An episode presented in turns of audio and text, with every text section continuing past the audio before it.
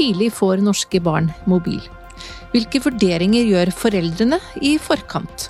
Hvordan håndterer både barn og foreldre de yngstes inngang til det digitale universet, og hvilke utfordringer møter de?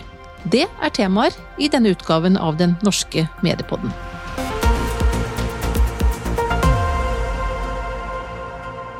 Blant barn på 9 til 11 år har 93% sin egen mobil, ifølge Medietilsynets undersøkelse Barn og medier 2022. Det er vanligst å få sin første mobil i åtteårsalderen, og det ser ut til at barna de siste årene er blitt stadig yngre når de får egen mobiltelefon for første gang. Nesten halvparten av niåringene er på sosiale medier. Digital tilgang gir jo mange muligheter, som sosial kontakt og læring. Men også utfordringer og risiko, som å bli eksponert for skadelig innhold eller desinformasjon. Hvordan bør foreldre forberede barna sine på det første møtet med det digitale universet? Og hvordan balansere barns rettigheter til informasjon og deltakelse opp mot krav på beskyttelse mot skadelig innhold og personvern? Det skal vi straks diskutere her i Mediepodden, og jeg har fått med meg tre gjester som alle er opptatt av disse problemstillingene fra litt ulike perspektiver. Finn Myrstad, som er fagdirektør for digitale tjenester i Forbrukerrådet, og som også har vært medlem i Personvernkommisjonen. Line Marie Warholm, psykologspesialist, og Kirsten Kolstad Kvalø, som er seniorrådgiver ved Norges institusjon for menneskerettigheter. Vi i Medietilsynet har nylig gjennomført intervjuer med foreldre om barnas debut på mobiltelefon. Mange sier at det var praktiske årsaker til at barnet deres fikk sin første mobil, for eksempel at det gjør det enklere å få tak i dem. At barna ikke skal være annerledes enn andre er også et argument for en del. Og hva tenker dere, vi kan jo begynne med deg Finn Myrstad, er det gode grunner til å gi barna mobil når de er eksempel åtte år, eller er foreldre for lite oppmerksomme på de farene som tidlig mobilbruk kan medføre? Jeg tenker at Det er vanskelig å vite hva enkeltpersoner vet, og foreldre, men det vi ser fra vårt ståsted, er jo at eh, mobiltelefonene er jo, det er hyperkommersielle enheter. De er laga for å gjøre folk eh, avhengige. Eh, appene og tjenestene som er veldig populære, de er hyperkommersielle. De er fulle av sporing. Det vil si at Barna blir spora for det øyeblikket som regel de begynner å bruke apper. De blir også eksponert for enorme mengder reklame.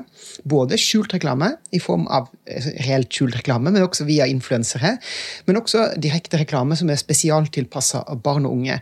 Og vi har nok av eksempler. Også Medietilsynets egne undersøkelser har jo vist hvordan barn og unge ut, utsettes for et enormt eh, reklamepress. Hvor jenter blir utsatt for f.eks. reklame for plastisk kirurgi, gutter for eh, muskelfremmende stoffer. vi har masse bevis på at det både her skaper avhengighet, og du blir på en måte et produkt allerede som en, fra den, det øyeblikket du begynner å bruke Eh, digitale tjenester. Da. Og det er det dessverre altfor lite oppmerksomhet på, på, i samfunnet generelt. Det er for lite oppmerksomhet på det i skolen. Um, så her tenker jeg vi må tenke oss godt om og følge veldig godt med før en uh, introdusere det her helt naivt og blindt. Line Marie Warholm, fra et uh, psykologperspektiv. Mm. Uh, hva tenker du? Tror du foreldre er bevisste nok på dette som Finn var inne på her, uh, også for det da å bli eksponert for type skadelig innhold? eller er det disse praktiske tingene, tenker du, som ligger til grunn når foreldre tar stilling til at barna skal få sin første mobil?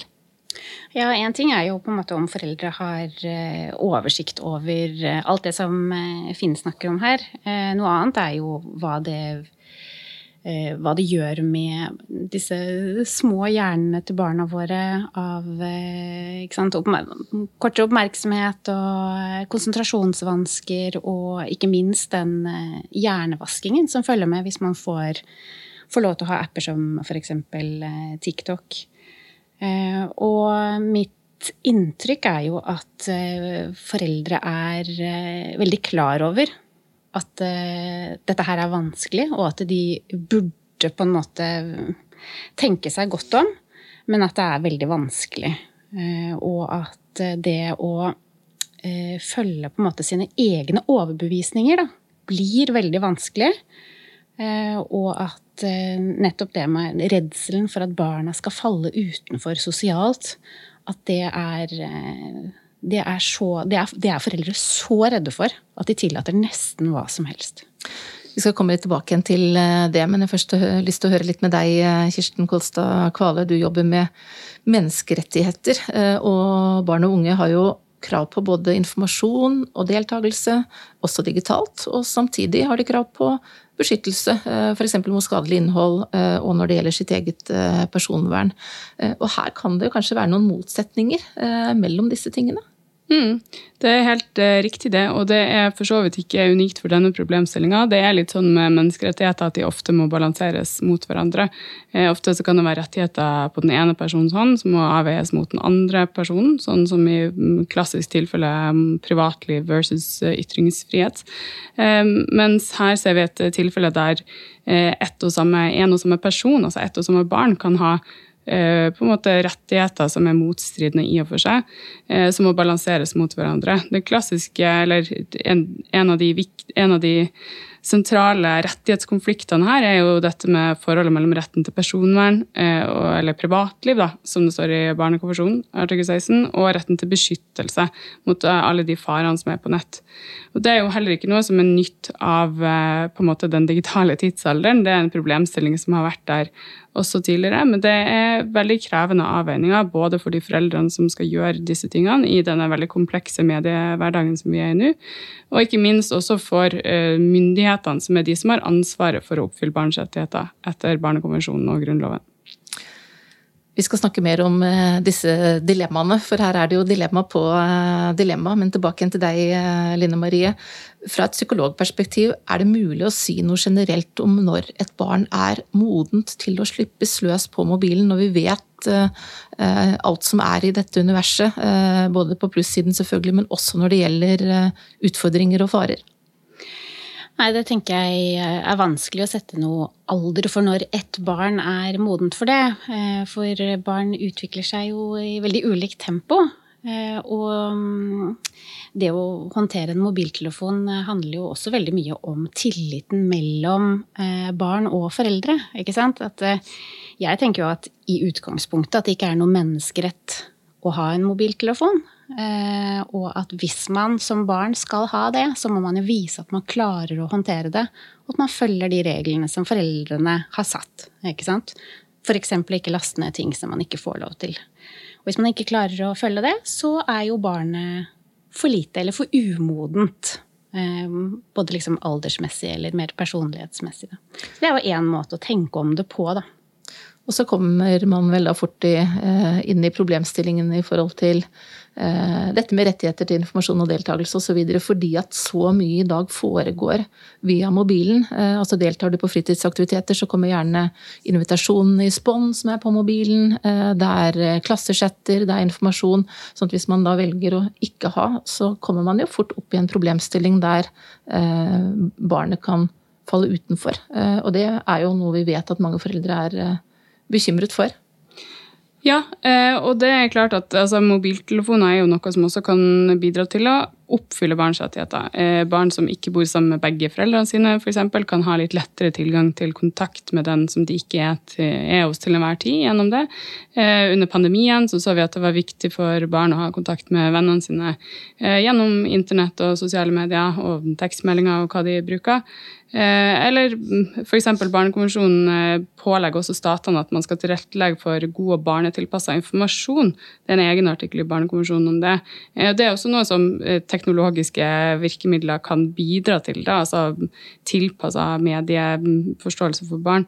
Men et viktig prinsipp i menneskerettighetene eller i Barnekonvensjonen er at man skal ta hensyn til barnets gradvise utvikling av evner og anlegg. Og i det prinsippet så tenker jeg at det også ligger noen ganske klare forpliktelser for foreldrene i å tilpasse det de verktøyene man får, til der barnet er. Og Det er vanskelig å si akkurat hvilken alder, og sånt. Som Line sier, så er dette individuelt. Eh, men at eh, det kan jo bety at det ikke er enten-eller. Enten så har man tilgang til alt, eller så man, er man utafor alt. Men man kan f.eks. få eh, verktøy som gir deltakelse til de viktigste sosiale tingene først, men ikke TikTok, da, f.eks., før man er over en viss alder. Finn Myrstad, dere har jo jobbet eh, mye med disse tingene i Personvernkommisjonen. Og Hvis vi skal følge opp litt det som Kirsten var inne på her, vi skal tenke da i forhold til dette med personvern, hvilke begrensninger bør foreldre da tenke på? F.eks. hvis et barn skal få mobil ved åtte-ni års alder. Altså, jeg tror uansett det er lurt at alle foreldre følger litt med på hva barna gjør. og Da mener jeg ikke nødvendigvis de skal overvåke barna, men at de engasjerer seg i, i hva, det er de, hva er det de driver med, hvilke apper er det de bruker. Gjør sin egen research på hvilke apper er det, og hvordan fungerer det. Kanskje laste ned de appene sjøl og, og leke med det. Og føler du at det er ubehagelig, så må du ta en prat med barna og kanskje si at det her går ikke. Den appen her har for mye, har for mye skjult reklame. Den uh, har altfor mye kjøp i apper som prøver å pushe på deg. Den uh, har en chatfunksjon der du kommer i kontakt med ukjente, og det vil jeg ikke. Um, jeg opplever at appen er sånn og sånn, og derfor må vi ta bort den appen. Så jeg tror du kan snakke med barna dine om disse tingene, men foreldrene må jo også bry seg og prøve å engasjere seg. Og jeg tenker også foreldre har et eget ansvar til å oppføre seg på den måten de sjøl ønsker at barna skal oppføre seg. Så hvis foreldrene er på mobilen hele tida, eh, under måltider og når de skal være sammen med barna sine, så klart barna får lyst til å gjøre akkurat det samme. De lærer av foreldrene sine. Så her er det også et ansvar som hviler på foreldrene, og de må engasjere seg. Og så tenker jeg det er viktig at vi også anerkjenner at dette er systematisk, en systematisk utfordring for hele samfunnet. Mm. Og Vi har vel egentlig ikke helt tatt inn over oss de enorme konsekvensene det her potensielt har. Vi har jo hatt skandale på skandale nå de siste åra hvor eh, en ser at eh, sosiale medier, enten det er Facebook, TikTok eller andre, har en tendens til å forme innholdet basert på bruken til brukerne. Og Det har jo ført til at uh, du har fått videoer av selvskading som blir spres som ild i tørt gress. Du har uh, fake news, falske nyheter, misinformasjon. Uh, fordi det er spektakulært og sensasjonelt, så engasjerer de hermetegn brukeren, og du ser mer av det. Og Det har jo store konsekvenser på et individnivå, men også på et samfunnsnivå. Da. Så det er åpenbart at vi er nødt til å ha en helt annen tilnærming til disse sosiale mediene, også fra et myndighetsperspektiv og et mm. samfunnsperspektiv. Da. Og Der har jo Personvernkommisjonen kommet opp med en del tiltak, så vi håper at politikerne vurderer, sånn at vi kan få litt bedre kontroll. Og Det vil også gjøre foreldrehverdagen enklere hvis foreldre får mer støtte, f.eks. gjennom skolen eller gjennom at det blir regulert på et samfunnsnivå. Mm.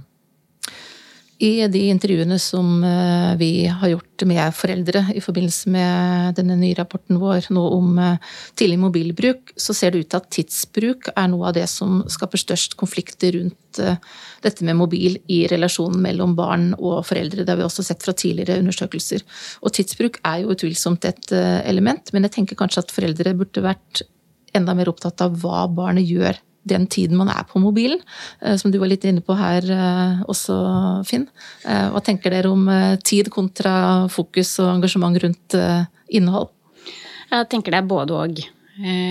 Og at helt klart det å være for mye på skjerm, enten det er på mobiltelefon eller iPad eller TV, ikke er bra for barn. Både i forhold til hva de får inn, og hva de går glipp av når de er på skjerm. Um, bare det å på en måte sant, være et menneske som kommer med eget initiativ eller utvikler kreativitet, det er veldig vanskelig hvis man får input og stimulering hele tiden. Så det der å få tid til å kjede seg, komme opp med nye ting selv, og ikke minst liksom bearbeide tanker og følelser gjennom dagen, det trenger man ro til å gjøre da. Og barn som på en måte får lov til å stimulere seg selv hele tiden, de går eh, glipp av det.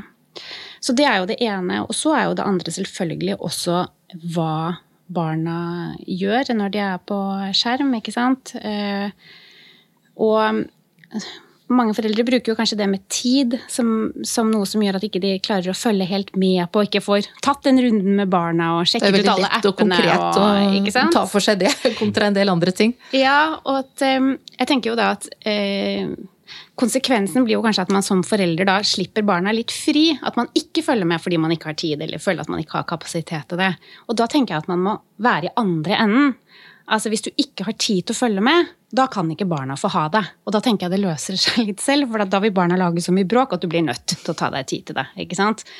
Men at løsningen er på en måte ikke da å la barna holde på med ting du ikke har oversikt over. Da, da kan jo ikke barna ha det. Ikke Tenker, det er jo ikke så altså På en måte så må man også kunne tenke om det å være liksom, eh, på nett eller ha en telefon på litt samme måte som vi tenker om andre erfaringer her i verden. Det er ganske mange steder du ikke hadde sluppet ungen din løs uten å vite hvor den er, eller hva den driver med, eller hvem den er sammen med. liksom. Ikke sant? Og så er sånn er det jo på dette nett også. noe mange foreldre sier, også i disse intervjuene som vi har gjort nå, at de syns er veldig vanskelig. Eh, At de opplever at det er en forventning om at de skal være engasjert og følge med osv., og, så og så blir det litt eh, voldsomt. Det er mange apper, det er spill, det kommer ting herfra og derfra. Eh, spørsmål man kan være på det ene og det andre, eh, og plutselig så er det lett å å miste kontrollen. Um, og det er vel noe vi som er foreldre kan, kan kjenne oss litt igjen i. Ja, og der tenker jeg jo at sosiale medier står i en særstilling. ikke sant? Fordi at da kommer jo det argumentet om å falle utenfor det sosiale veldig, veldig inn, da. Ehm, og foreldre kan jo liksom etterlyse litt sånn klarere linjer fra liksom staten eller skolen. Eller? Men disse appene selv, utviklerne selv, har jo satt aldersgrenser. Og på en del av de så er de 13 år. Eh, og hvis vi går ut ifra at dette er jo aktører som ønsker at flest mulig skal liksom være på disse arenaene så tidlig som mulig, og de har satt grensen 13 år. Og da tenker jeg, da er det vel ingen grunn til å slippe barna løs der før de Altså det må jo være nedre grense, og så må, vi, må jo vi vurdere om den skulle vært høyere. Ikke sant? Og så vet vi jo samtidig, og bare for å ta litt om dette med aldersgrenser, så er jo denne 13-årsgrensen som det ofte snakkes om, det er jo satt ut fra personvernhensyn. ikke sant? At det ikke er lov å innhente og, og bruke personopplysninger om barn under 13 år eh, uten at det er tillatelse fra foreldre. Men så har jo, som du er inne på nå, eh, også mange av disse tjenestene eller appene egne aldersgrenser eller aldersanbefalinger i tillegg ut fra eh, innholdet. Men dette kan jo være også et litt vanskelig landskap å orientere seg i. Men dette med personvern i forhold til, og personopplysninger i forhold til aldersgrenser, det er kanskje noe av det aller viktigste, tenker jeg, eh, Finn, som foreldre bør være oppmerksomme på. Ja, og det er også det området som det er veldig vanskelig å vite hva som faktisk skjer. Jeg blir ofte bedt av eh, venner og kjente kan du sjekke ut den appen for meg. Fordi noe av det vi har gjort i Forbrukerrådet, er jo nettopp å gå inn og se under panseret på apper. Vi har fått eh, eksterne cybersikkerhetseksperter til å hjelpe oss med å faktisk gå inn i maskineriet på appene, se hvilke data som samles inn. Og, og se hvor, hvor det blir av. Og For et par år siden så, så vi på to apper. En som var retta mot barn fra tre år og oppover. Der fant vi 25 ulike selskaper som samla informasjon om barna. Det hadde ikke du som bruker eller forelder klart å vite, fordi du kan ikke gå inn i appen og se på. Så så vi også på en app retta mot eh, unge, unge mennesker, en sminkeapp, der du da kunne ta et bilde av ansiktet ditt, og så kunne du se hvordan det ser, ser ut med ulike typer sminke. Uh, Kjempepopulær, lasta ned over 100 millioner ganger. I den appen så fant vi ut at eh, hvor brukeren befant seg, ble spora i sanntid når appen var i bruk, og også når appen ikke var i bruk. Og det ble solgt videre til 10-20-30 selskaper som hadde muligheten til å selge det her videre. Og Det er type informasjon som er ekstremt sårbart, fordi hvor du befinner deg, hvor ofte du beveger deg, er veldig avslørende. For eksempel kan jeg vite hvor noen bor, jeg kan vite om de går til psykologen tre ganger i uka, hvor de eh, går på idretten, og du kan trekke ut informasjon for eksempel om et menneske er deprimert eller har andre tanker, kun basert på bevegelsesmønstre. Men så sier du samtidig at eh, dette var ikke åpenbart i, i appen. Så måte. hvordan i all verden skal foreldre da eh, klare å håndtere dette når det er, dette er ting som skjer, men som man ikke kan se med det blotte øyet Ja. hvis man da uh, går inn i den appen? Nei, det, det er kjempekrevende. altså, men det er noen ting en kan gjøre. En bør i hvert fall gå inn og se på personverninnstillingene i selve appen. Og så kan du også gjøre litt på telefonen, sånn grunnivå. Eksempel skru av lokasjonssporing osv. Um, og så vil jeg alltid uansett prøvd å gjøre litt eh, undersøkelser på er den appen her, er det masse negative medieoppslag, bla, bla, bla. Det vil ikke være nok selvfølgelig til å kunne avsløre den type sporing. Uh, Så Derfor må en jo også håpe at myndighetene nå får mer makt og myndighet til å, å gå etter disse appene. Da. Og Der prøver vi å gjøre vårt lille bidrag, men, men det er klart vi må ha en helt annen tilnærming for å hjelpe det. Men folk må i hvert fall tenke seg om å undersøke litt først. Kirsten, du ba om ordet. Ja. Eh, ja, Det som du snakker om her, Finn, det tenker jeg er veldig egnet til egentlig regulering, i den grad man får det til. Altså det og, og det bidraget som dere i Forbrukerrådet er utrolig viktig. for altså Jeg er ikke noe teknologisk av meg, så jeg syns det er veldig vanskelig å få oversikt over alt dette med disse personverninnstillingene. og sånt, Sånn at eh, alle typer veiledninger der, og eventuelt også hard regulering, tenker jeg er veldig viktig. Men så er det en annen side av personvernet som jeg har lyst til å snakke litt om, eller privatlivsvernet. og Det er jo det som handler om forhold mellom foreldre og barn, eh, som jo også trekkes frem i denne rapporten her som noen dilemmaer. Og, der er det jo sånn at det er klart at foreldre har eh, ansvaret for barnets beste, de har et foreldreansvar, og de skal ta hensyn til deres interesser. Og det er veldig viktig at man overvåker, eller at man på en måte et, eh, følge med, sånn at man kan eh, styre unna de farene som barnet blir utsatt for. Eh, men eh, jeg har også et inntrykk av at man kanskje er litt, og det viser den rapporten også, at man ikke nødvendigvis har et bevisst forhold til hva som er på en måte barnets eget, eh, egen sfære, og hva som ikke er det. Så er ikke det alltid så lett å følge med, da, eller å vite da, om den barnet chatter med er en venn eller en potensiell overgriper. Men det tenker jeg er en ting man kan på en måte ha litt i bakhodet også som forelder. fordi eh, fordi personvern eller privatlivet. Det handler om at man også skal ha noe for seg sjøl, for sin egen utvikling. Eh, og også fordi altså For noen barn kan det jo være skadelig at foreldrene deres eh, overvåker alt de gjør. Kanskje de søker på Eh, at de tror at de kanskje er trans eller homofil, og så vokser de opp et sted der det ikke er så greit. og sånt. Så det er også sånn, eh, et annet nivå av privatlivsvernet som jeg syns er litt underutvikla. Men det er jo Personvernkommisjonen hadde noen gode forslag synes jeg, på å utvikle noen veiledere som kan gjøre foreldre litt bevisst på det. Mm. Ja, for Dette kan jo både handle om å overvåke hva barna er på, hvilke tjenester de bruker osv. på um, f.eks. sosiale medier. Det kan jo også um, handler om at man uh, har tilgang på informasjon om hvor barnet er til enhver tid. Uh, som jo kan oppleves som en trygghet, men som jo også er en form for uh, overvåkning. Hva tenker du, Finn, om disse dilemmaene knytta til dette? Mm, jeg tenker Det er viktig og veldig godt poeng som er tatt opp her. Og så må det også, Vi har jo sett teknisk på noen av disse klokkene, blant annet, som er veldig populære å gi barn. som er En klokke som ofte har en sånn tracking-funksjon, altså du kan vite hvor barnet er. Og så har det en mobilfunksjon, at foreldre kan ringe barna. Det blir ofte sett på som den første mobilen. Og Vi så jo på disse klokkene teknisk for noen år siden, og da oppdaga vi jo at eh, den, eh, for å spare batteri, så er det mange av disse klokkene som leverer GPS til foreldrene bare hvert femte minutt, femtende minutt. Og Hvis du da setter opp et sånt eh, varslingssystem, så du da kan gjøre at hvis barnet går utafor en viss grense, så vil du ikke få vite det i sanntid uansett. Så da kan du også skape en form for falsk trygghet. da. Og det var vi litt opptatt av å kommunisere at det er ikke sikkert at det er, og det sier jo også rapporten deres, at det, hvor mye hjelper det deg egentlig vite hvor barnet er. For når noe går galt, så går det kanskje galt ganske fort.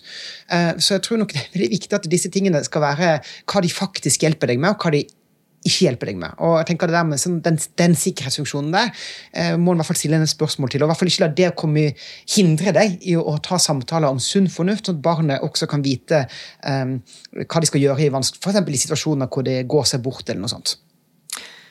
Line Marie, i de intervjuene som eh, vi nå har gjort, så sier flere eh, av barna selv at de er slitne av for mye skjermbruk, eh, men at det er vanskelig å logge av, og at de kjenner på at det forventes at de skal være tilgjengelig hele tiden overfor venner. Kan vi forvente egentlig at barna selv klarer å regulere dette? Nei, det tenker jeg ikke. og det, Nå kommer det også an på alder, men vi kjenner jo på det vi voksne òg, hvor vanskelig det er å regulere. Og barna kan det i hvert fall ikke. Hvordan kan vi hjelpe dem da, som foreldre? Ja, og da tenker jeg at sant, I dag så har vi jo en litt sånn holdning til barnas følelser at vi alltid skal liksom høre på dem og ta veldig hensyn. sånn at Hvis barna sier at ja, men jeg må bare svare på det, og ellers så blir det sånn og sånn, og sånn, så tror jeg veldig mange foreldre syns at det er vanskelig å bare skjære igjennom.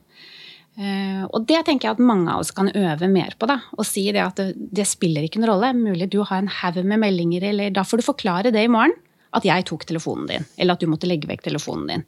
Men sånn blir det nå. Nå er det slutt. Nå skal du legge deg om det vil jo være det flaueste, kleineste i verden, selvfølgelig, å måtte komme på skolen med en sånn beskjed. ja, ikke sant. Og der tenker jeg jo at uh, vi foreldre må uh, Vi Stå svikter. Ja, vi svikter veldig på Og det gjelder ikke bare dette med mobilbruk og sosiale medier, men på veldig mange områder så svikter jo vi foreldre i dag fordi at vi er så redde for at barna skal oppleve noe som blir ubehagelig eller flaut eller kleint. Men det å, eh, å stå i noe eh, som er litt eh, flaut, det er jo også noe barn har veldig veldig godt av å øve seg på. Så vi må jo ikke være redde for å sette barna i litt vanskelige sosiale situasjoner. Det er jo noe helt annet hvis du ikke har tilgang på mobiltelefon langt opp i alder, og du går glipp av viktige beskjeder og den type ting. Det er jo noe helt annet enn at du faller ut av det én kveld. Og så er det jo noe med at eh, når det blir en kultur for at alle svarer hverandre hele tiden, så er det veldig vanskelig å bryte ut av det. Men så fungerer jo vi mennesker sånn at hvis flere og flere barn ikke er påkobla hele tiden, så blir man jo vant til det og tenke at ok, men da kanskje ikke hun eller han er på mobilen sin i kveld. Og så blir det en kultur. Så der må jo vi foreldre eh, tørre å sette de grensene vi syns vi skal, og la barna våre bli stående i litt utfordrende situasjoner. Det er ikke noe skadelig for dem, det. Det er, det er mye mer skadelig å være for mye på telefonen, i hvert fall. Foreldreansvaret det handler jo om å ta beslutninger på vegne av et barn eh, barnets, etter barnets interesser og behov og etter barnets eh, beste, som det heter. Og Det innebærer jo også å ta beslutninger som ikke er populære der og da. Eh, og Sånn har det jo alltid vært. Det er at du må rydde rommet ditt før du går ut og leker, det er at du må spise middag eh, og sånt, og det at du godt, eh, lørdagsgodtet bare på lørdager osv. Eh, og disse tingene det er vi jo kjent med, at det er sånn det er å være forelder. Og det at det er en litt sånn ny digital hverdag med alle disse appene og alle disse kravene som kommer fra barne- og ungdomskulturen, da, det overstyrer jo ikke det at det er foreldre sitt ansvar å ta disse valgene til barnets beste. Mm. Og jeg kan bare legge til, og jeg tenker Hvis det er foreldre og lærere og andre som sitter og hører på det her nå, så må vi, bare, vi må huske at det her som jeg nevnte i innledningen også, det er hyperkommersielle arenaer. og det er helt åpenbart at det, disse tjenestene de er designet for å være avhengighetsskapende. viser undersøkelser, viser forskning. Selv de som har designa disse eh, de sosiale mediene, også spill, som er også et sosialt medium fordi det har masse, er designa for å gjøre folk avhengige for at de skal bruke mer tid på det, for at eh, en skal kunne vise eh, reklame eller samle inn persondata.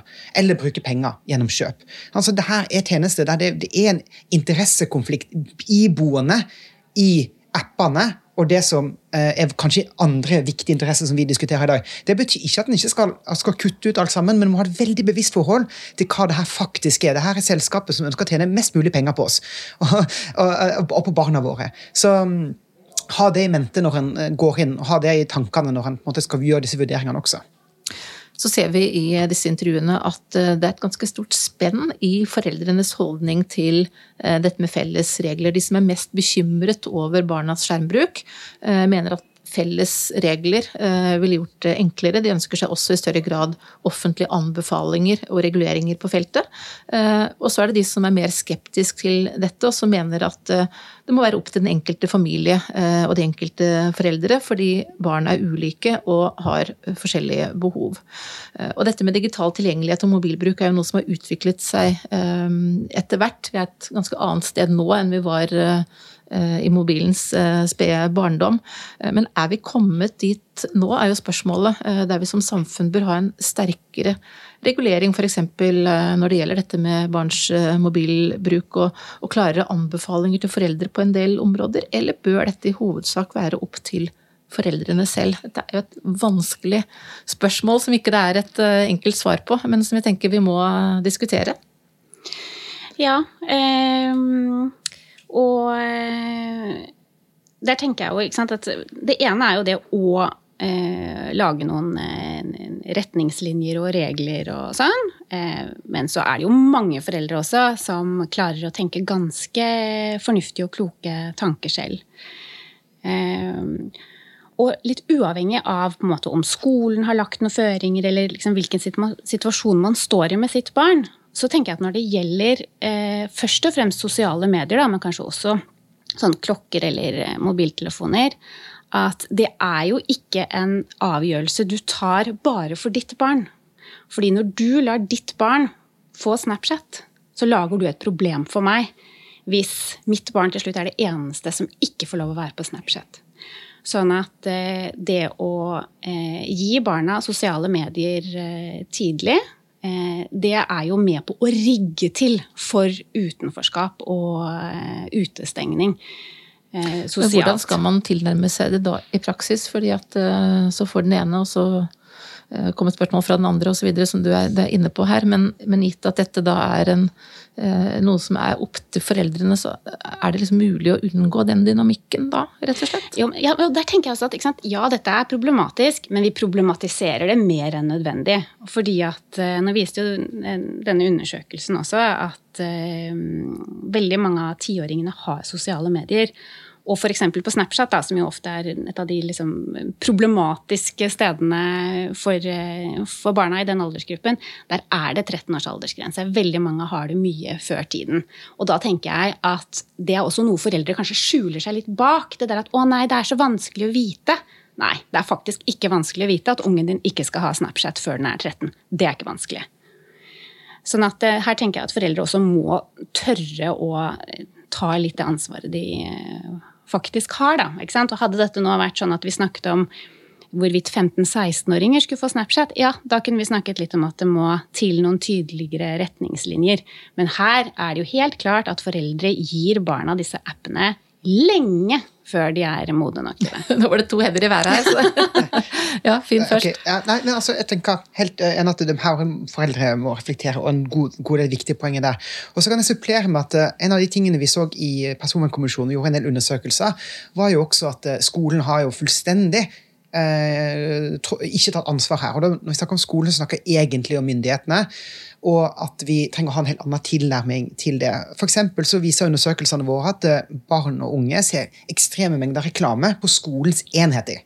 Så altså, det vi har Anbefalinger som vi kommer med, en ting er at en kunne for lagt til rette for mye sånn, si på grunnskolen, at alle foreldre får en digital uh, sekk med kunnskap om veldig mye. Som kan komme fra Medietilsynet eller kan komme fra andre myndigheter som har kompetanse på det her. Som hjelper lærerne og hjelper foreldrene med å ta mer informerte valg. For det er åpenbart et stort mangel på kunnskap. Lærerne bør også få bedre opplæring i hvordan det her funker. Og så må myndighetene, og da tenker jeg staten, uh, i ta mye større grad ta ansvar for den digitale hverdagen på skolen. Det tror jeg ville gjort i hvert fall jobben mye enklere. F.eks. ved at en blokkerer annonser på alle skolens enheter, så elever ikke får all den reklamen. At uh, en får en mer nasjonal innkjøpspolitikk på digitale tjenester, så det kan kjøre mye strengere kontroll med det som skjer på skolens enheter. For det er ofte den første store introduksjonen mm. som barn og unge får. Og Da er det vanskeligere for, også, for foreldrene også å begrense når dette dette kommer gjennom yes. skolen. ikke sant? Ja, så Her har en masse anbefalinger på hvordan en kan både øke kunnskapen blant foreldre, blant lærere, hvordan en kan få bedre kontroll på alt det som skjer via i skolens regi. Og Det vil kunne også ha en oppdragende effekt eh, på en del foreldre ved at en får mer kunnskap om hva som faktisk skjer, og kan ta mer velinformerte beslutninger. Jeg er helt enig med Finn i at eh, det er en del tiltak man kan ta, særlig i skolesektoren, som jo Personvernkommisjonen er veldig god på. Jeg tror også at man kan ta tiltak på andre arenaer. Altså, mm, eh, det trenger jo ikke nødvendigvis å være lovregulering og forbud, men det kan være eh, veiledninger eller nettbaserte løsninger. og sånt. For det er sånn at Menneskerettighetene de forplikter statene til å gjøre foreldre i stand til å være gode oppdragere, for å si det litt sånn enkelt. Og så er det også sånn at Menneskerettighetene de skal beskytte oss også i en hverdag som utvikler seg. Det er det vi kaller en sånn dynamisk fortolkning av menneskerettighetene. Det betyr at vi av og til også må oppdatere de standardene som vi har laga for foreldreansvar og hvordan vi løser disse tingene i lov og andre virkemidler. Og nå kan vi se, se at her er det en ganske stor sånn teknisk, teknologisk utvikling som påvirker samfunnet så mye at uh, man kanskje er nødt til å gå inn og gjøre noen grep fra lovgiver eller myndigheter på ulike former for tiltak for å, være, for å gjøre foreldre i stand til å ha det foreldreansvaret og være de primære oppdragerne som de er. Og dette med på en måte mild regulering av atferd, eller på en måte gi råd og tiltak om hvordan man skal tilnærme seg ting, det er jo heller ikke noe nytt, og det er ikke noe som er så veldig kontroversielt, egentlig. Altså, det finnes jo Trygg Trafikk eh, gir på en måte råd om hvordan barn skal oppføre seg i trafikken, og det finnes kostholdsråd som kommer også fra nasjonale myndigheter, som, som foreldre iallfall blir gitt eh, til en viss grad. Så jeg tenker at det må man se på som et gode. Og så må foreldre supplere med sine egne gode vurderinger. Som Line sier, det er utrolig viktig at man tør å stå i disse tingene sjøl, fordi det er jo ikke alt som kan fanges opp av sånne type tiltak. da. Mm. Og så tenker jeg det er viktig med en samordning fra myndighetene når det gjelder eh, råd på dette feltet. Det er jo eh, noe som mange er engasjert i fra ulike perspektiver. Du har helseperspektivet, du har medieperspektivet, deltakelsesperspektivet. Eh, skadelighetsperspektivet. Så fra Medietilsynets side er jeg i hvert fall veldig opptatt av en, en bedre koordinering og samordning av råd på dette feltet. Nå leder vi jo arbeidet med oppfølgingen av nasjonal strategi for trygg digital oppvekst, og har der fått samlet en del ulike direktorater som jobber med disse tingene. Og jeg tenker at man gjennom et sånt samarbeid kan jobbe med å tydeliggjøre råd og anbefalinger. Kanskje også vil gjøre det enklere for foreldre å vite hvor de skal gå da, Eh, for å få oppdatert eh, råd. Men litt til om, om, dette med myndighetenes eh, ansvar. Dere har jo vært inne på noen ting i Personvernkommisjonen, Finn. Mm. Og så vet vi at nå skjer det viktige ting på EU-nivå. Bl.a. Blant annet det som kalles Digital Services Act, som vil gjøre noe med muligheten til målrettet reklame f.eks. overfor barn og unge, som stiller større krav til plattformene når det gjelder transparens rundt dette med algoritmer osv. så noe er i hvert fall på gang, også når det gjelder dette med regulering. Ja, og det er kjempebra at det kommer regler som gjør det mulig for myndighetene å føre mer tilsyn. Det har vært den store svakheten de siste 10-15 åra at Eh, teknologien og forretningsmodellene har utvikla seg så fort at vi har ikke klart å henge med i svingene, noen av oss egentlig. Så det som kommer fra EU nå, er jo et svar på at vi trenger mer kontroll. Så vi kan jo håpe at eh, når det kommer på plass, at vi kan få mer innsyn i hvordan Facebooks algoritme fungerer, TikToks algoritme fungerer, Snapchats algoritme fungerer. Og det at det kommer et, for, et såkalt forbud mot uh, reklame som målrettes mot barn, det tenker vi er veldig positivt. Men det gjenstår jo å se hvordan det skal implementeres i praksis, selvfølgelig. Men, men det, er veldig bra det kommer nye regler som kan kan hjelpe oss eh, litt mer. Og så er det sikkert mer som må gjøres framover. Og da er det også det her med forskning for eksempel, tenker jeg er kjempeviktig. At vi får mer kunnskap om hvordan er det disse tjenestene faktisk fungerer, og hvordan påvirker de oss. Helt uh, til slutt, um, kan jeg utfordre dere på det beste rådet dere har til foreldre og til myndighetene når det gjelder dette med barn og mobilbruk? Jeg kan begynne til foreldrene, da. Fordi det er jo noe med sånn som vi har snakket om nå, at her må det gjøres noe på mange nivåer. Eh, eh, og som forelder, når man hører, har hørt på oss nå, så tenker jeg at man kan jo bli veldig overveldet av at det liksom er så komplekst. Og et stort ansvar kan det oppleves som. Ja. Eh, og det er veldig komplekst, men det er også veldig enkelt. Eh, og det er på en måte at digital kompetanse i dag, det handler ikke om å følge med. Det handler om å klare å logge av og slå av. Barn bruker eh, digitale verktøy på skolen. Og det er veldig viktig at vi foreldre hjelper barna å vise at fritiden vår den kan vi bruke uten skjerm. At det er kanskje liksom, Hvis du skal få med deg liksom én ting som forelder, så er det bare det. Skru det av. Jeg tror jeg har lyst til å ta opp en ting som vi ikke har snakka om uh, hittil i samtalen, men som er egentlig både et råd til foreldre og til myndigheter, som handler om dette med beskyttelse av, av uh, barn når det gjelder skadelig innhold eh, på nett og på sosiale medier osv. Der eh, leste jeg den eh, gode rapporten til Medietilsynet mm, på disse tingene, som tar opp dette også med at en del barn kan synes det er veldig vanskelig å si fra når de mm. opplever noe som er vanskelig på nett. Og Det har jeg tenkt en del på, og det syns jeg er en veldig stor utfordring.